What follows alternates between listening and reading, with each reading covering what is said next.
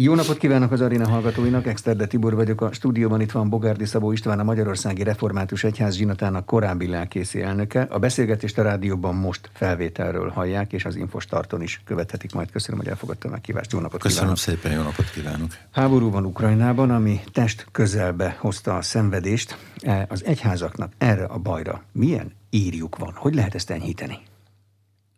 A hírt talán, vagy a hírnek a fogadtatását lehet tompítani, enyhíteni, reménység üzenetet továbbítani, buzdítást, mert a történelem fájdalmas, és ugyanakkor mégis reménykeltő paradoxonja, hogy egyrészt úgy tűnik a háború elkerülhetetlen. Így szoktam mondani, hogy Káin bűnére, a testvérgyilkosság bűnére még nincs védőoltás, de ugyanakkor a háborúk előbb-utóbb véget érnek. És az a tapasztalatunk, egyetemes emberi tapasztalat, hogy minél előbb ér véget egy háború, talán annál, annál kisebb a, a kára, annál, annál hamarabb begyógyulhatnak a sebek, annál, annál hamarabb újra le, vissza lehet térni a, a, a, a békés kerékvágásban, meg lehet kezdeni az újraépítést, és talán annál több idő jut messzere mutató tanulságok levonására is. Most nagyon közel van valóban a háború. Itt annyi kitérőt tegyek, hogy, hogy a szószéken a, a lelkipásztorok eddig is, most azt hiszem még inkább, mindig is imádkoztak a, a békéért. Ha jól tudom, a, az ukrán háború mellett még 16 helyen van a világban háború, és ezek nem helyi incidensek, hanem hosszú évek van, ahol évtizedek óta tartó háború. Mi itt Európában, vagy Közép-Európában már elfelejtettük a, a délszláv háborút, pedig nemrég volt, és rettenetes háború volt, és ezek a Afrikában, Latin Amerikában, Ázsiában zajló háborúk úgy tűnik messze vannak, és az életünk számos érdekes, fontos ténye egyfajta függönyt is húzott a mi valóságunk és a másodlevő valóságok között. Nos, most ez a függöny ellebbent, a szó eredeti értelmében elvétetett a lepel, apokalipszis van, föltárul egészen közvetlenül itt a szomszédunkban a háborúnak a, az iszonyata, és benne számtalan kérdés, hogy harccal, háborúval, vérrel, vassal, halállal, iszonyattal meg lehet-e bármit, meg lehet-e bármit oldani, érvényre lehet-e juttatni ilyen-olyan amolyan érdeket, menekültek milliói érkeznek folyamatosan, és ha a háború első heteiben úgy tűnt, hogy riadalomból, ijedelemből jönnek most már azért a háború második hónapján eltelik lassan, látjuk azt, hogy millióknak nem lesz hol visszamenni, nincs hol visszatérni. Hány fiatal ember hal meg a, a csatatéren, a katonák, akiknek harcolniuk kell az agresszornak, mert parancsba van adva, a megtámadottnak, mert, mert védenie kell a hazáját, nagyon nehéz egyáltalán beszélni a háborúról, nagyon nehéz reménykedőt mondani, vigasztalót mondani. Majdnem olyan nehéz, mint egy halálos beteg ágyánál megállni, úgyhogy neki mondani valamit, ha még tudatánál van, meg esetleg az ott lévő családtagoknak. Ez, ez most egy ilyen egy ilyen nagyon nehéz. De semmi biztatót nem lehet mondani. Mi az a generáció vagyunk, akinek az életébe a saját hazájában nem volt háború, de hát a szüleink élnek még, ők tapasztalták. A délszláv háború is itt volt, ott is élnek magyarok, ukrán háború is itt van, ott is élnek magyarok, majdnem olyan, mint a velünk történne. Legalább azt lehet mondani, hogy a mi életünkre szabott háború mennyiségnek ezzel vége, vagy még ezt se lehet mondani. Nehéz ezt így mérni, hogy mennyi jut egy-egy nemzedéknek. Mondhatnánk azt, hogy Igen, vannak szerencsés, szerencsés generációk. A délszláv háborútól eltekintve ahol annyiban érintett volt a családom, hogy rokonaink élnek délvidéken, édesapám délvidéki származású, menekültet is fogadtunk akkor családba érkező menekültek, illetve a Horvátországból átmenekülő ö, magyarok ügye azért az egy, az egy, egy, egy megterhelő ügy volt. Én is azt mondhatom magamról, hogy hogy amikor én megszülettem, addigra már az 1956-os forradalomnak is vége volt, tehát én bék, igazából békébe töltöttem az életemet, ófejre nem kellett lemennem, háborús intézkedéseket nem kellett átélnem, családtagjaimért nem kellett aggódnom, hogy mi lesz velük, mikor csap be egy bomba, mikor érkeznek a tankok. És én ezért elsősorban ez a válaszom első fele, felfoghatatlanul hálás vagyok Istennek. Ez egy, a, a béke, a béke egy felmérhetetlen nagy ajándék.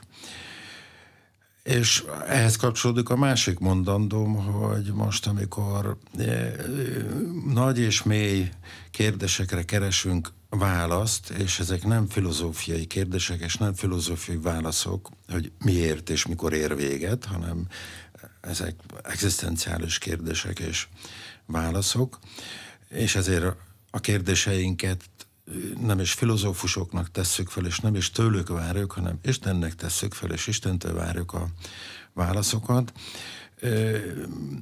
Talán nem árt ebbe a, ebbe a keretbe belefoglalni, hogy, hogy úgy faggatom én is az én Istenemet, hogy közben nem szűnök meg hálát adni, vagy elmondani, hogy, hogy Gondoljunk bele, milyen mérhetetlenül jó volt itt úgy élni, hogy béke volt. Úgy élni, hogy nem volt a szomszédunkban háború.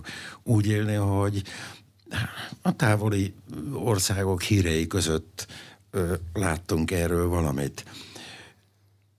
És megkérlelne a mindenhatót, hogy adj ezt nekünk vissza. Adj ezt nekünk vissza. Egy, állítsa helyre állítsa helyre a békét. Szabad tisztelettel feltenni azt a kérdést Istennek, ha tud békét adni. Miért ad háborút is? Most, amit mondani fogok, filozófikusnak tűnik, de, de mégsem az. E, Isten egyszerre ad az embernek, e, megad az embernek minden lehetőséget arra, hogy szépen igazán jól éljen, e, az egész világ úgy van berendezve, akárhogy is nézem, és ugyanakkor az embernek szabadságot ad, megfontolási, döntési, saját sorsát rendező szabadságot. A probléma abban van, mondja Szent Ágoston, aki háborús időkben a római birodalom évtizedekig tartó rettenetes összeomlása közepette élt. Mindennaposak voltak a, a, a birodalom végein a, a harcok, a háborúk. Azt mondja, hogy az, a, az az ember baja, hogy azt a mindent akarja, azt a mindent akarja, ami egyedül csak az Istené lehet, és ezért azt a részt sem kapja meg, ami őt egyébként Isten akaratából teljes joggal megilletné. És aztán így folytatja tovább, elnézést a hallgatóktól, latinul mondom először, majd elmondom miért, azt mondja Augustinus, hogy az ember a mindent akarja, és a, és a saját képzelgésének prostituálja magát, fantasztika fornikációnak nevezi, tehát amikor az ember nagyot képzel, nagyra tör, a teremtés ura akar lenni, képzeleg, és ennek a, a valóságos életét, a tényleges életét, az, hogy korlátozott létidőbe élünk, a teremtési törvények meghatároznak bennünket, ennek kiszolgáltatja saját magát, az embertársát, a társadalmát, a kultúráját, a világát, és lám most már a 21. században azt is mondanunk kell, magát a természetet is. Ebben van a, ebben van a probléma, ebben van a probléma. Magyarán, ha feltesszük azt a kérdést, hogy miért engedi meg az Isten, hogy, hogy legyen háború, azt a kérdést is hozzá kell tennünk mellé, hogy miért ad Isten szabadságot azt azért nagyon szeretjük, a szabadságot. A, az a mérhetetlenül fel lennénk háborodva, hogyha most jönne egy profétas bejelenteni, hogy Isten elunta az ember idétlenkedését, meg iszonyatát. Vörös Marta azt mondja, hogy az ember sárkány fog vetemény, nincs remény, nincs remény. Isten meg úgy döntött, hogy lesz remény. Vége a szabadságnak, kedves teremtményei. Mostantól kezdve bábok lesztek, programozott mesterséges intelligencia, ezt fogtok működni, mint egy robotok, és még élvezni is fogjátok. Milyen méretletlenül fel lennénk háborodva. Tehát miközben egy, egy csodálatos szabadság ajándéka van az embernek, semmilyen más teremtménynek nincs ilyen szabadsága, mint az embernek. Semmilyen más teremtmény nem is viselkedik így. Amit, amit mi ismerünk, amit mi tudomásunk szerint, amit mi ismerünk, és az ember ö, visszaél, visszaél ezzel a szabadsággal, és a mindent akarja, és ezért a, az őt jogosan megillető rész sem kapja meg. Nézzük meg, a, a, a, amennyit tanulhatunk a, a háborúk indítókaiból, hogy miért robbantak ki a háborúk, mik voltak a háborúk indokai, ürügyei, motivumai, a régi elemzők, Tukidides már leírja a Peloponnesoszi háborúknál, olcsón megszerezhető élelmiszer, nyersanyag és olcsó munka. És ha végignézem az elmúlt 2000 év háborúit, mindegy, hogy milyen nagy hivatkozások voltak, amivel most Oroszország előáll, hogy ő nácitlani akarják ő, Ukrajnát, Mégis tudjuk, az ukrán gabona kell, az ukrán nyersanyag kell, meg az olcsó ukrán munkaerő kell. Nyers, egyszerű, mindent akar az ember, és elveszi a másiktól, ha nem adja szép szóval, akkor erőszakkal, akár a másik életárán is. Ez, a, ez az ember Isten elleni lázadásának a legsúlyosabb következménye keresztény közösségek megnyugszanak ebben a magyarázatban, vagy bennük is okoz törést, értékválságot az, amit most látnak? Mi a tapasztalata? Nem nyugszunk bele, miért nyugodnánk bele? Van ennek a, a történetnek egy, egy, egy másik oldala, egy, egy másik fénye is, egy másik távlata is, és amit most eddig elmondtam, azt én valójában ebben a fényben szemlélem. Ez pedig, amikor idejöttem beszélgetni, kint borzalmas, felhős, szeles, caplatos idő volt, aztán elindultam, kisütött a nap, kiderült az ég, de azért hoztam magammal esernyőt. Erre mondhatnák, mondhatnák a hallgatók, hogy hát ez, ez ilyen óvatoskodó optimizmus, de valójában arról van szó, hogy még keresztjének várjuk a, a, a naptámadatot. Ez a feltámadás. Ez a történelem vége. Amikor hitünk szerint, hitvallásunk szerint, így mondjuk hiszem a test feltámadását, hiszük a halottak feltámadását, az egyetemes feltámadást, amikor lezárul az életnek és a halálnak, a jónak és a rossznak, ez a számunkra a rövid életünkbe feloldhatatlan küzdelme. És ha ebből a szemszögből nézzük azt, ami most van, meg ami volt a történelemben, meg ami a prognózisok szerint lesz, akkor, akkor nem a, a, a hogy mondjam, a felelőtlen ö, optimizmusok és a kétségbeesett pessimizmusok között kell választ, választani. Egyébként e kettő között szoktunk érzelmileg ö, hullámozni, hanem egyfajta realitásérzékre teszünk szert, vagyis nem azt mondom, hogy ó, kérem, úgyis feltámadunk, nincs itt semmi baj, ez itt egy rettenetes történet, ez a drámának a első, második, harmadik felvonása, de majd jön a finálé, ezt most valahogy végig kell bírni, de nincs itt semmi baj. Dehogy nem, nagyon nagy baj van. Éppen a, a feltámadás, az új élet csodája fényében fáj rettenetesen minden, ami, ami mulandó, és válik múlhatatlanul értékessé minden itt a mulandóban, aminek, aminek értéke van. Aminek értéke van. Én keresztény emberként egy halott koporsójánál megállva mondhatnám magamnak, másoknak is, hogy milyen jó neki, hogy meghat, mert már nem kell itt szenvedni. A, a kétségek, a hányattatások, a hol fönt, hol lent, az egészség, a betegség, a küzdködés, a siker, a kudarc, az előrjutás malomkerekei között törlődni, de nem mondom ezt, hanem azt mondom, hogy nagyon fáj, nagyon fáj, hogy meghalt, mert nagyon lehet ezt a mulandó életet is szeretni, de csak azok tudják igazán szeretni, akik hisznek az eljövendő életben. Ez egy nagy titok, de így van. Mit tud tenni a Magyarországi Református Egyház? Az ukrajnaiakért az első napokban már elindult egy segélymisszió, segélyszervezet, ha jól tudom, püspökök jártak is kint, de az egy nagyon más terep, mint a miénk, mert ez egy háborús ország. Mit tudnak csinálni?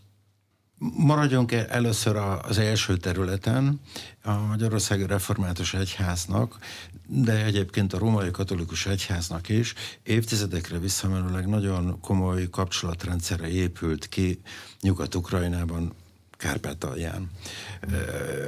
Ez a terület a történelmi Magyarország része volt, aztán Trianon után Csehszlovákiához került, aztán a Szovjetunió része lett, aztán most Ukrajna része, Igazából véve a, a Szovjetunió összeomlása után nyílott mód arra, hogy akármilyen nehéz átütási körülmények között is kiépítsük az ott lévő hittestvérekkel és magyarokkal, meg nem magyarokkal is a kapcsolatot, tehát a, a segélyezés, a támogatás az hosszú évtizedekre, hosszú évtizedekre nyúlik vissza. Most a, a, a, a háború kitörése után, amikor Magyarország kinyitotta a határt, a ukrán-magyar határt, és lehetett jönni, két, két nagy feladat mutatkozott meg. Egyrészt minden módon itt Magyarországon megsegíteni azokat, akik, akik átjöttek gyalog a határon semmi nélkül.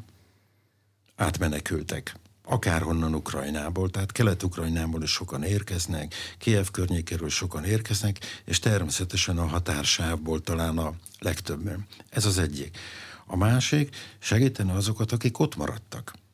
Mert nagyon sokan ott maradtak. A, a Kárpátalján szolgáló református lelkipásztorok közül mindenki otthon maradt. Vannak falvak, a falvak háromnegyed része kiürült. Elmenekültek az emberek. A lelkipásztor ott maradt, a, maradék kis közösséggel. Őket is mindenképpen segíteni.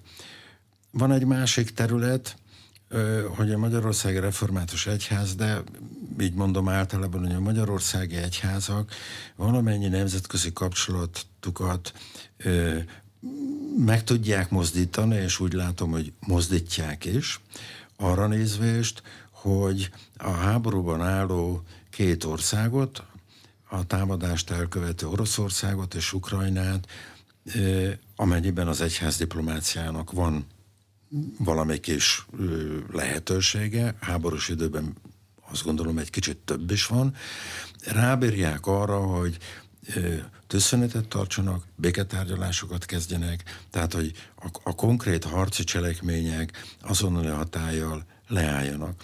Egy további, talán messzebb vezető terület az az, hogy nagy vita robbant ki a, a kereszténység körében is, hiszen Oroszország e, vallási szempontból dominánsan meghatározóan e, keleti ortodox, mint ahogy Ukrajna is. És ők számos nemzetközi egyházi ökumenikus szervezetben nagyon tevékenyen eddig benne voltak, a háború, a háború most ennek a két egyháznak a, a rendkívüli elidegenedését is magával hozza. Tudhatunk-e valamit segíteni, mondani. Végül is az egyházi emberek nem csizmába, sisakba öltözött katonák, még ha ellenséges országokból érkeznek, és talán, talán közvetítők révén szót tudnak egymással érteni. És a negyedik a, a legfontosabb, a legfontosabb az imádság, mégpedig a közbenjáró imádság. Azt szoktam mondani a gyülekezetem tagjainak, és azt mondom, sokat vitatkozunk egyébként. Milyen érdekes, hogy a háború még egyébként békében egy, együtt élő emberek között is súlyos vitákat tud generálni. Azt szoktam mondani, hogy ha számunkra a legtermészetesebb dolog elkérni Istentől a, a holnapi napnak a békéjét, a betegeink gyógyulását, a járvány elmúlását, ezért folyamatosan imádkozunk, a járvány elmúlását, a munkánk megáldását, az egymásnak feszülő emberek megbékítését, Istennek erre vannak eszközei, van hatalma, van ereje rá, akkor szabad és kell is kérnünk azt, hogy szűnjék meg, szűnjék meg ez a háború, békéjének meg a szemben álló felek, gyógyítsák meg a sebeket, és találják meg, ez már nyilván nem, nem a hadseregeknek, hanem a politikusoknak a dolga, annak az együttélésnek a formáját, ami nem vezet újabb háborús konfliktusokhoz. Megütötte a fülem, hogy a lelkipásztorok mind maradtak. Nekik ilyenkor maradniuk kell? Van valamilyen egyházon belüli gyakorlat erre? Vagy nincs. Nincs. Tehát maradnak, nincs, mert maradnak. Nincs. Nagyon. a református lelkészekről beszélünk, ugye milyen érdekes, mi, mi azért a, a, a kereszténységen belül, a, hogy mondjam, a, az egyházi szolgálók, a lelkipásztorok szabadsága, tekintetében, hogy mondjam, nagyon tágasak vagyunk náluk, nem olyan szoros a gyeplő, nem olyan szigorú a, az egyházögi fegyelem, vagy a kánoni fegyelem, mondjuk, mint a római katolikus egyházban. De, de, de több ezer év óta gyakorlat az, hogy, hogy veszély, veszélyhelyzetben, veszélyhelyzetben nincs kánoni előírás, hogy ott kell maradni, veszélyhelyzetben az mindig az egyes ember saját felelősségére meghozott döntése, egy lelkipásztor esetében is, hogy marad-e, vagy nem marad. Kitart-e, vagy nem tart ki. Nem ide tartozó, ezt inkább a koronavírus járvány ideje lehetett volna példálozni. Ugye Paneló atya Kamu pestisében marad könyörögnek neki, hogy menj, nincs értelme, nincs, nincs már ott mit csinálni. Marad. Neki ez Istennel a dolga, mert, mert, mert azt mondja, hogy végül is Isten szeretete, vagy Isten megátkozása a tét, és ő marad. Isten szeretetéért ott marad. Választási kampány is volt Magyarországon, ahol nem mindig látszott megvalósulni az egymás iránti szeretet. Talált ezen a téren, e, ezen a téren ebben a kampányban romlást, vagy ez ilyen volt? A kampány szó eredetileg csatateret jelent, vagy a csatára kivonuló sereg sátortáborát jelenti, tehát a kampány az bizonyos értelemben mindig háború. Jelent is meg néhány évvel ezelőtt az Egyesült Államokban egy, egy okos könyv ezzel a címmel, hogy a, a politikai kampány mind háború és a szerző megpróbálja a kampányok metafora rendszerét, szimbólumrendszerét föltárni, igen, a választási kampány nem egy egyszerű szkander, vagy egy, vagy egy békés, a televízióban látok néha versenyeket a meghatározott szabályok között kell, vagy nem egy sportesemény, ahol a, a fair play szabályai szerint kell a, pályán küzdeni. Egyébként a bíró piros lapot mutat és leküld a játékost. Egészen másképp van. Én úgy éltem végig ezt a mögöttünk levő kampányidőszakot, hogy ilyen még nem volt. és remélem, hogy nem is lesz többet ilyen. Megérkezett hozzánk az Egyesült Államokból a, a politikai kampánynak az a stílusa, formája, módszertana, amelyet az Egyesült Államok polgárai tova 200 éve gyakorolnak, nekik meg se kottyan meg se kottyan. Nem omlott össze az Egyesült Államok, még attól, hogy elnök jelöltet agyonlőttek, elnököt, elnök ellen merényletet követtek el, stb. stb. egészen a, a, fizikai atrocitásokig menően, mert aki részt vesz a kampányban, az beírhatja az életrajzába, hogy elnökjelölt helyettes voltam, vagy nem tudom, valahol úgy dicsőség dolga részt venni ebben a, ebben a nagy, úgymond demokratikus választási küzdelemben. Ehhez azonban hozzátartozik az Egyesült Államokban is látjuk az ellenfélnek a, a morális megsemmisítése mégpedig, mégpedig nagy, erőbe, nagy erőbevetéssel, nagy erőbevetéssel. Amerikában ezt az orvosolja, hogy a, a tisztességvédelem, a, a, akárki tisztességének a meg, megvédése jogilag és hagyományosan sokkal erősebb, mint, mint, mint Európában, nem beszélve Magyarországról. Na most, amit én láttam, hallottam, tapasztaltam, az az volt, hogy ez megérkezett, és ez az én magánvéleményem, a politikai elemzők biztos ki fognak nevetni.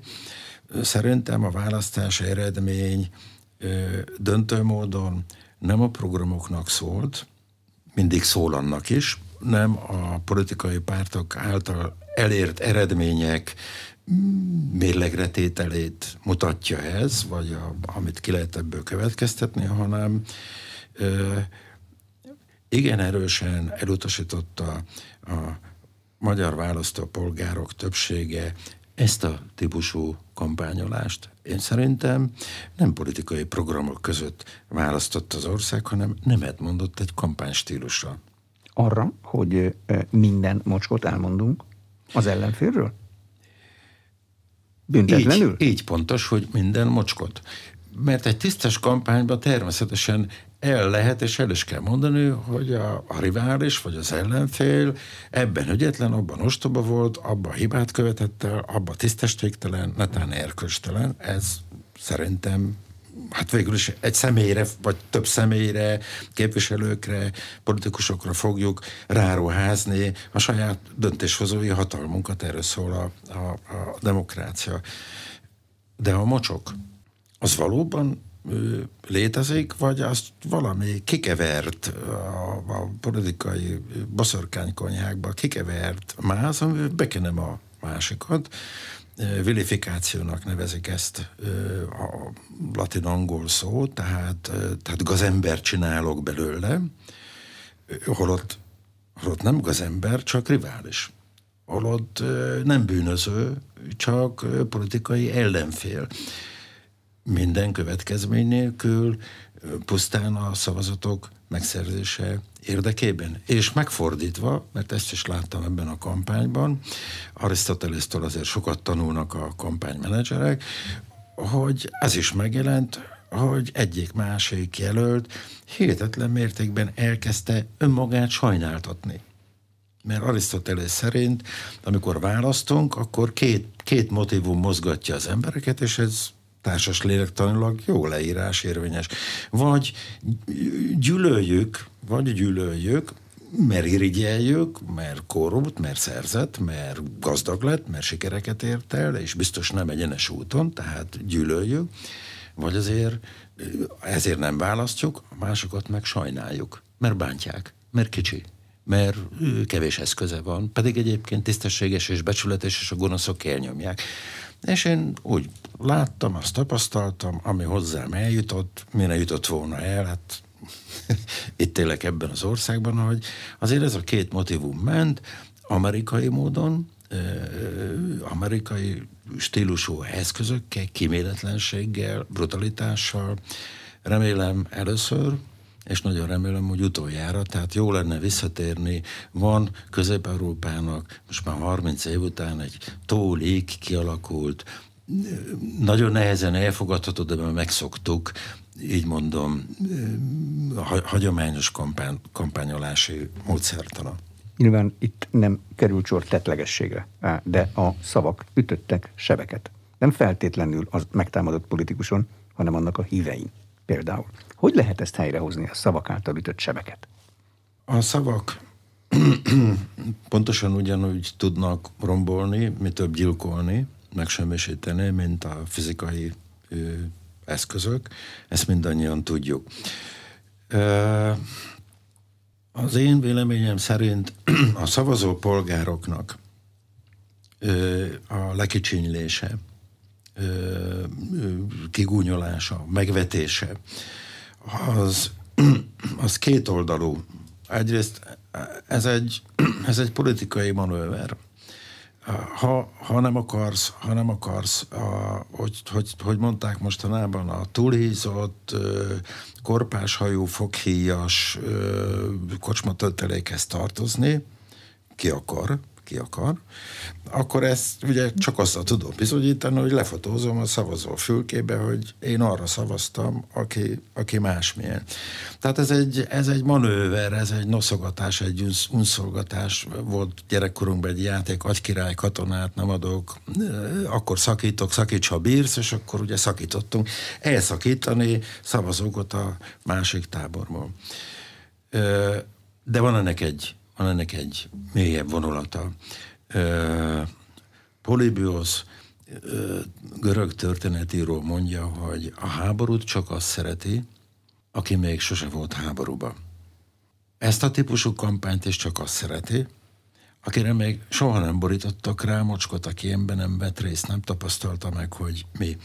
Nem tudom, hogy, hogy valaha meg fog gyógyulni. Szerintem úgy fog meggyógyulni, hogy azok a politikai alakzatok, irányzatok, amelyeknek jeles képviselői ezt megengedték maguknak, és nem egy elszólás erejéig, hanem jelzem, én észleltem, ez programszerűen, tehát ez fel volt építve, ez a fajta kommunikáció, ők nem kapnak többet szerepet a, a, a politikai életbe, vagy legalábbis a meghatározó politikai életbe. Ez csak, csak így tud, így tud orvosolódni.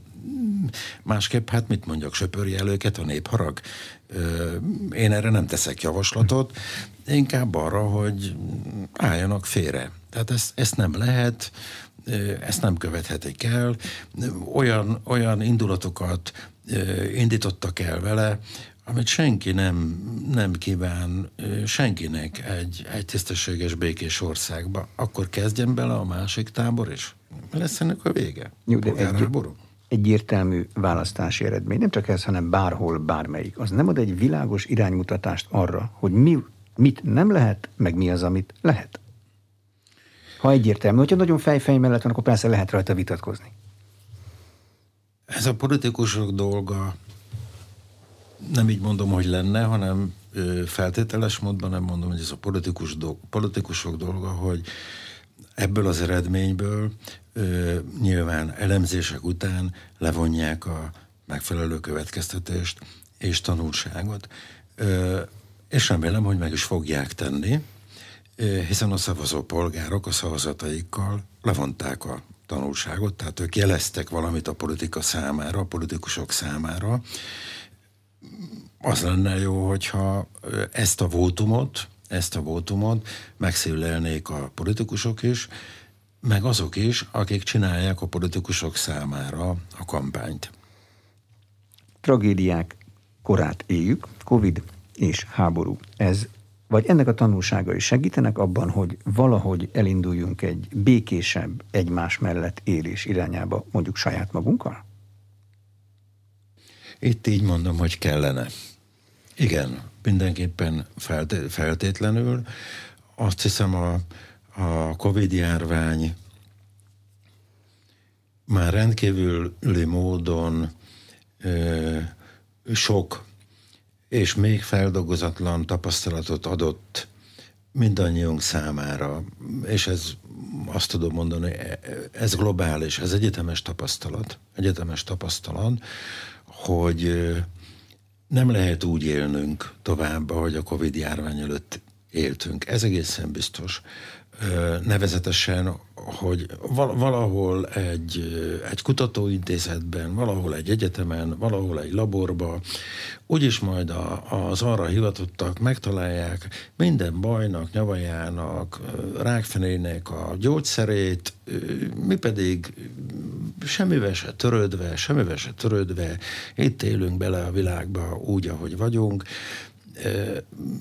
Az ember mégiscsak a, a természet része. Talán ez a Covid járványnak az egyik nagy tanulsága. Magyarán az, hogy mi valamilyen humanista program szerint korrigáljuk a természetet, ezt ki kéne fejtenem, hogy mit értek rajta, de hogy a, a, a natúrát, úgy, ahogy van, a biologikumot, a, a mi humanista emberi igényeink szerint rips-rops átalakítjuk. Talán most a, a Covid azt mutatta meg, hogy ha, ha álmodik is erről az ember, ez még nagyon-nagyon messze van. Nagyon-nagyon messze van mindenféle orvosetikai, gyógyszeretikai, járványügyi, társas érintkezési, civilizációs kérdések itt előjönnek, és szerintem meg se kezdtük még igazából ezeknek a végig gondolását. A háborúról beszéltünk az előző részben, ez is súlyos, súlyos kérdéseket vet föl, most én már csak Európáról beszélek, a, a, a békeszigetéről beszélek, itt van most már Európa szélén a, a háború. Nem volt-e illúzió és öncsalás az, amit a, a háború történésze és a politika tudósai kihelyezett háborúnak neveznek. Erről tudunk, ez a 1960-as években Kissinger doktrinának nevezték, ha jót akar magának mondjuk az Egyesült Államok, vagy a fejlett ö, nyugati világ, ott a vasfüggönyön túl, akkor a, a háborús ö, potenciált, vagy a háborús indításokat kihelyezi. Kisebb helyi háborúkban ö, lezajlanak ezek a, ezek a folyamatok, és ezek, ezek biztosítják valamilyen módon a státuszkót, az otthoni békét. Itt van a szomszédunkban, pár száz kilométer. Ez most egy kihelyezett háború, vagy ez most már egy olyan konfliktus, ami megmutatja, hogy ez egy rossz számítás, ez egy hamis kalkulus. A békéről másképp és komolyabban, komolyabban kellene beszélni. Így szoktam mondani, a békének súlyosabb hábo- ára van, mint hogy megvívunk egy-két háborút itt-ott. A békét azt, azt az teljes eltökéltséggel akarni kell. Nem elég a régi rómaiak cinizmusa, hogyha békét akarsz készülni a háborúra. Nagy tapasztalat van benne, de egy ponton túl ez azért cinikus. Ennél is jobban kell akarnia az embernek a békét. A béke, a fenntartás, a megőrzése, a bibliai értelembe vett béké, ami nem annyit jelent, hogy fegyvernyugvás van, hanem a biztonságot, a jólétet, a virágzást jelenti, a tisztes emberi életet jelenti. Jelenti azt, hogy azt a bizonyos, bizonyos végső távlatot derülten szemlélheti az ember, az Isten végső megoldását a történelmi kérdéseire, ehhez nagyobb akaratokat, nagyobb akaratokat kell összpontosítani az embernek. Talán most ez a háború, és remélem, hogy mire ez a beszélgetés elhangzik, addigra már lesz fegyverszünet, és lesznek béketárgyalások. Talán ez a háború megtanít bennünket arra, hogy nem, nem magától értetődő a béke. Az nem olyan, mint a nap felkelte, meg a nap nyugta, meg a tavaszi eső, meg a téli hó. A béke az, az, az emberi mű, azoknak az embereknek, azoknak az emberek közösségnek a műve, akik legmélyebben megértették és megélik az isteni jó szándékot. és ennek megtalálják a társadalmi formáit. Hát igen, ám csak mit kell tennie annak, aki őszintén akarja a békét, de nem biztos, hogy átlátja a folyamat minden mozgatórugóját. Lehet, hogy ő igazából csak bárgyúnak vagy gyengének tűnik az egyébként háborúra készülő ellenfél szemében. Az a biztos vereség. Igen, így van, valóban. És mégis. És mégis azt tudom mondani, mert természetesen a, a béke az én számomra nem azt jelenti, hogy leengedem a kezemet. Én most nem, nem pacifista szöveget mondtam, bocsánat a, a kifejezésért. Világos, bár, csak egy egyszerű bár, ember bár, ezt bár, fogja kérdezni, hogy én igazán békét akarok, de akkor mit csináljak? Akkor kössük össze az országgyűlési választásokkal. Bízzuk rá, ha lehetséges, a döntéshozást, a, egy ország képviseletét, a törvényhozást azokra, akik, akik látják a, a rettenetes felelősségét annak, ha háborúba lép az ember, és látják ugyanígy a rettenetes felelősségét annak, hogyha nem lép háborúba az ember, mert mind a kettő iszonyatos, beláthatatlan felelősség, és ezt ezt a felelősséget, mind a kettőt artikulálni tudják, megfontolást tudnak tenni.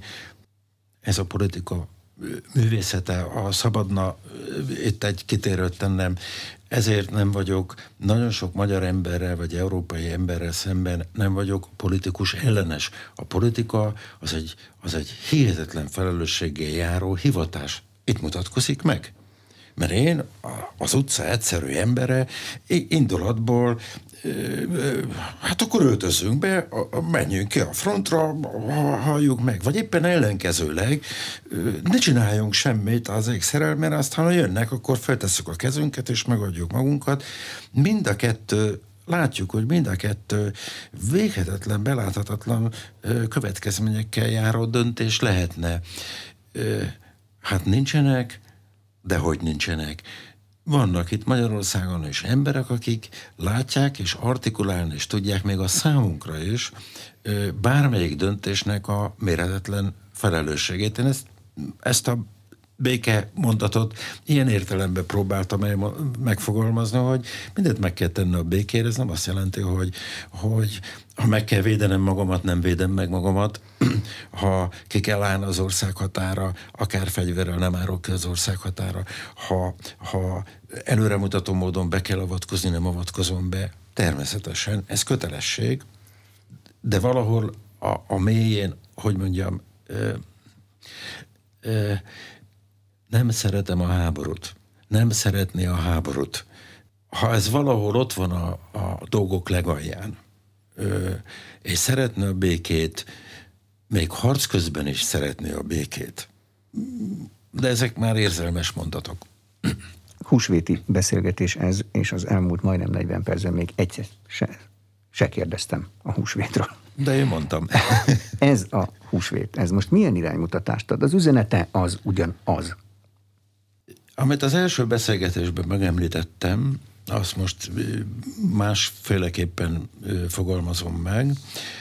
Személyesen azt hiszem, hogy soha ilyen, ilyen nehéz körülmények között várni a húsvéti naptámadatot számomra, és azt hiszem, hogy nagyon sokak számára itt Magyarországon nem volt még ilyen nehéz. Nem volt még ilyen nehéz. Minden ellene mond, minden ellene mond annak, amit mi kimondunk és ünneplünk húsvétkor, hogy egyetlen egy valakinek, az Isten ember Jézus Krisztusnak a halálával legyőzetett a halál, és Isten őt új életre hívta elő, föltámasztotta. Vagyis, hogy Istennél van a végső szó, és Istennek a végső szava az, hogy ugyanaz, mint az első szava, amiről mi tudunk, hogy legyen. Nem az, hogy ne legyen, nem az, hogy nem, hanem az, hogy legyen.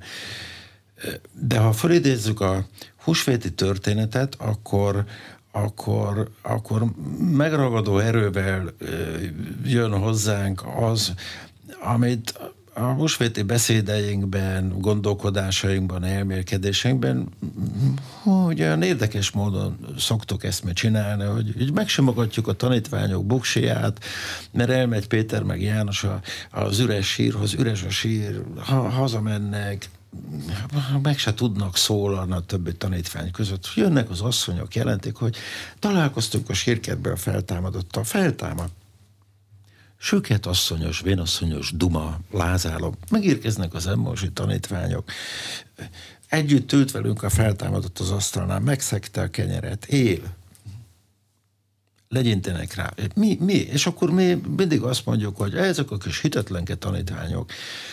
De hát mibe voltak ők? A legteljesebb megvertségbe. A, a, a, amikor minden összeomlott, minden, mind, mindennek vége. A, a, a nagypéntek, nagypéntek emberileg itt a vége. Kész. Mindegy, hogy mit gondoltunk, hogy mit reméltünk, mit álmodtunk, mit terveztünk, mindennek vége. Mégpedig a, a halál teljes, brutális értelmetlenségével. Megjegyzem, az ember számára sohasem az élet értelme a nagy kérdés, hanem a halál értelmetlensége és ott állnak ebbe beszakadva. Ö, ilyenkor meglátni a, a feltámadó nap első fényeit, hogy felderül valami, derült jövőnézésre jutni, egyáltalán elinni azt, hogy van élet a halál, halálon túl, van ember fölötti, van élet fölötti, van a halál fölötti hat- hatalom, elképzelhetetlenül, le- lehetetlenül ö, mindent meghaladó feladat lenne. Úgyhogy én ebben a húsvétban beállok a, az első tanítványok közé, most nem leszek ö, okos, fölényes predikátor 2000 év után, aki elpredikálja a gyülekezetének, hogy látjátok, kedves testvérek, azok a kis oktondik ö, nem tudták ezt elérni, milyen egyszerű és könnyű nekünk, ö, milyen rettenetes és nehéz nekünk is velük együtt, velük együtt ö, ezt az isteni igent, ezt az isteni legyent, meghallani, mert ha összeteszünk mindent, hogy mit tudott az ember a világ teremtése óta produkálni, akkor mit tudott? Vagy Covidot? Vége, végeszakadhatatlan háborúkat, ö, ideológiai hazugság rengeteget, a a minket körülvevő jóságos természet kificamítását, meggyalázását, megcsonkítását, ezt, ezt tudja az ember. Miért mondjon erre az Isten igent, és nem erre mond igent, hanem, hanem arra az életteremtő Isten akaratra, ami ezt a világot létrehozta, és minket is. Új teremtést várok. Köszönöm szépen. Az elmúlt egy órában Bogárdi Szambó István a Magyarországi Református Egyház zsinatának korábbi lelkészi elnöke volt az aréna vendége. A műsor elkészítésében Illis László, felelős szerkesztő és Módos Márton főszerkesztő vett részt a beszélgetést a rádióban, most felvételről hallották, és az Infostart oldalon is figyelemmel kísérhetik. Köszönöm a figyelmet, Exterde Tibor vagyok.